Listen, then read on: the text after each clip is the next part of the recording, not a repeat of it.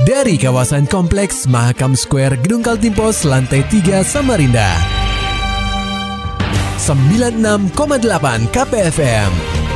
Kita akan ikuti program KP Flash News.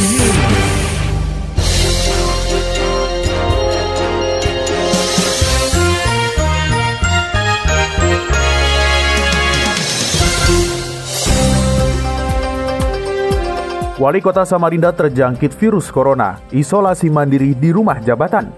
Laporannya disampaikan reporter KPFM Samarinda, Maulani Alamin.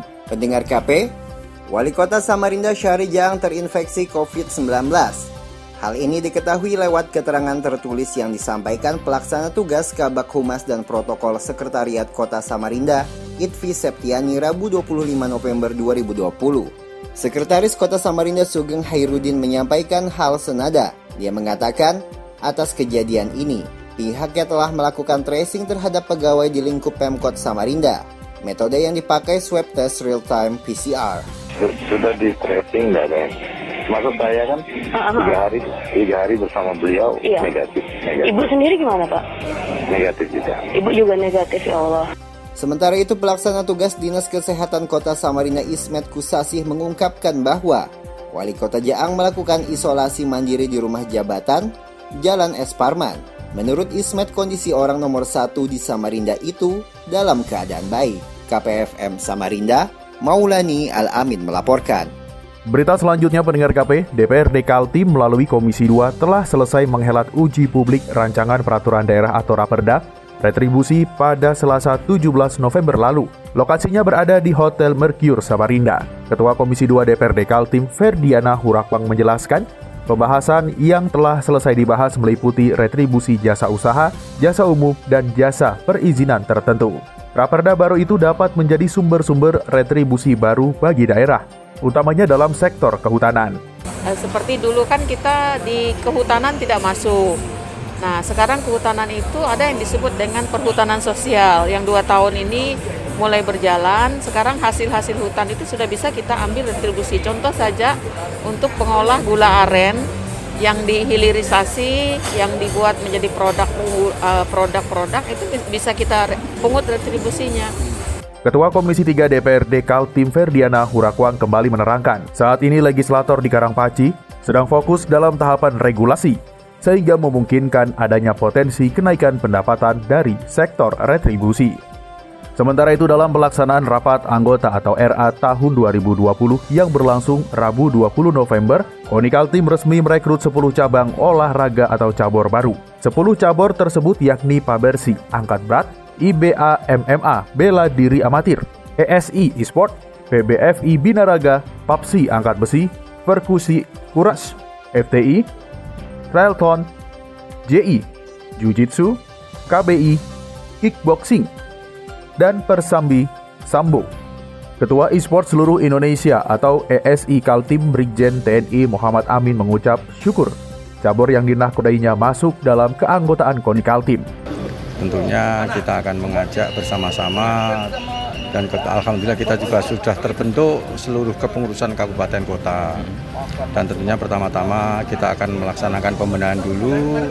Setelah kita akan menyiapkan atlet, semoga nantinya eh, kita bisa menyumbangkan medali emas Amin melanjutkan dalam waktu dekat ESI Kaltim akan menggelar kejuaraan sebagai bentuk pembinaan atlet-atlet di daerah.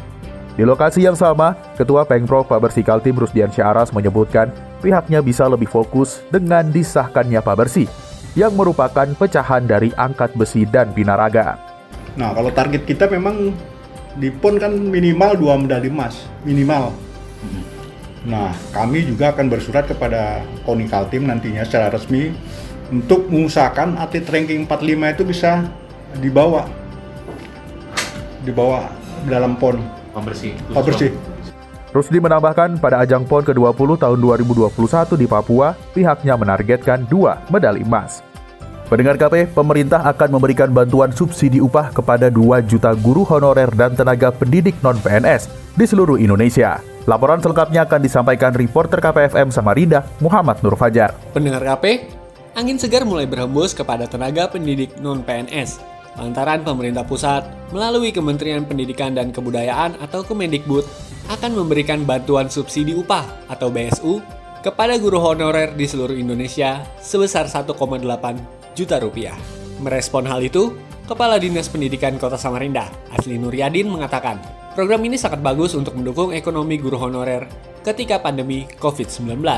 Hanya saja, Asli belum mengetahui pasti berapa jumlah formasi guru honorer yang akan menerima BSU di Samarinda. Ya sebenarnya kalau mau jujur Samarinda ini kan guru honornya banyak hampir 50-50 sudah jadi Ini kayaknya Pak yang banyak honor sekarang. 4.000 kita punya guru itu 8 ribuan. Jadi 4 ribuan itu sudah yang honor. Karena rasio yang pensiun itu eh, tidak simbang dengan yang diangkat. Nah jadi eh, banyak guru honor kita. Nah cuma saya tidak tahu berapa ini formasi karena satu jutaan itu kan dibagi se Indonesia Nah tentu itu nanti ranah kawan-kawan di BKD. Kalau kita siap aja mensupport datanya. Asli menuturkan, semoga BSU kali ini tidak seperti program sebelumnya, yaitu program pegawai pemerintah dengan perjanjian kerja atau P3K yang digagas oleh Kemendikbud. Asli menyebut, program P3K di Samarinda setidaknya telah meloloskan 82 tenaga pendidik dan telah menerima surat keputusan atau SK. Akan tetapi, program tersebut belum terrealisasi sampai sekarang. Tapi prinsipnya kita siap karena uh, dan mudah-mudahan juga tidak seperti P3K gelombang pertama. Kita kan punya 82 orang tuh sudah DSK kan, tapi belum terrealisasi P3K udah dua tahun yang lalu. Karena apa? Uh, nah ini harus jelas yang membiayai siapa nanti. Kalau yang ini kan Mas Menteri. Kalau Mas Menteri alhamdulillah. Kalau nanti diserahkan nanti ke kabupaten kota bisa lain lagi ceritanya. Lebih lanjut, Asli berharap agar anggaran program BSU untuk tenaga pendidik non-PNS berasal dari pusat. Menurutnya, jika kabupaten dan kota yang mengelolanya, maka akan lain nanti ceritanya. KPFM Samarinda, Muhammad Nur Fajar melaporkan. Sementara itu, truk pengangkut sampah dari Dinas Lingkungan Hidup atau DLH Kota Samarinda mengalami kecelakaan di tanjakan Bukit Pinang di Jalan Pangeran Suryanata, Kecamatan Samarinda Ulu, Kamis 26 November 2020 sekitar pukul 11.00 waktu Indonesia Tengah.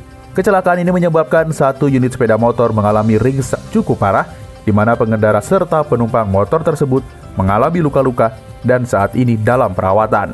Sementara sang supir truk turut mendapat perawatan di rumah sakit terdekat. Kanit Laka Lantas Polresta Samarinda, Ibda Heni Merdekawati mengatakan, mendengar kejadian tersebut jajarannya langsung mendatangi lokasi kejadian untuk mengevakuasi kendaraan yang terlibat kecelakaan. Itu loh tadi anggotaku tadi anggotaku datang di sana nggak mau ditangani loh orangnya bilangnya mau diselesaikan sendiri mau di kekeluargaan mau diobatin sendiri kayak apa Uh, yang kerusakan-kerusakan fasilitas negara itu gimana? Iya, dia mau kok mau selesaikan sendiri. Ini aja belum ke kantor. Nanti ku minta ku mintain anunya dulu. Enggak mau bilangnya mau diselesaikan sendiri bilangnya gitu.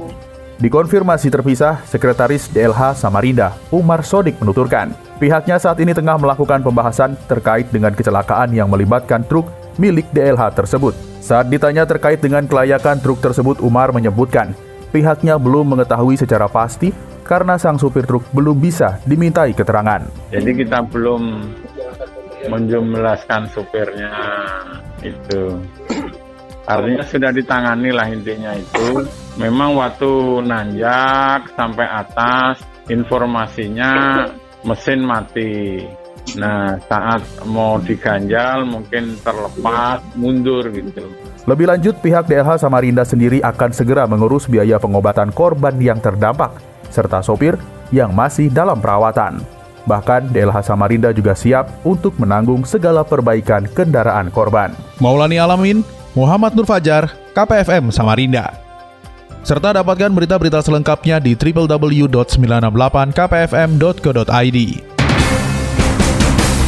Demikian tadi telah kita simak rangkaian berita-berita yang terangkum dalam program KP Flash News. Persembahan dari 96,8 KPFM. Terima kasih dan sampai jumpa.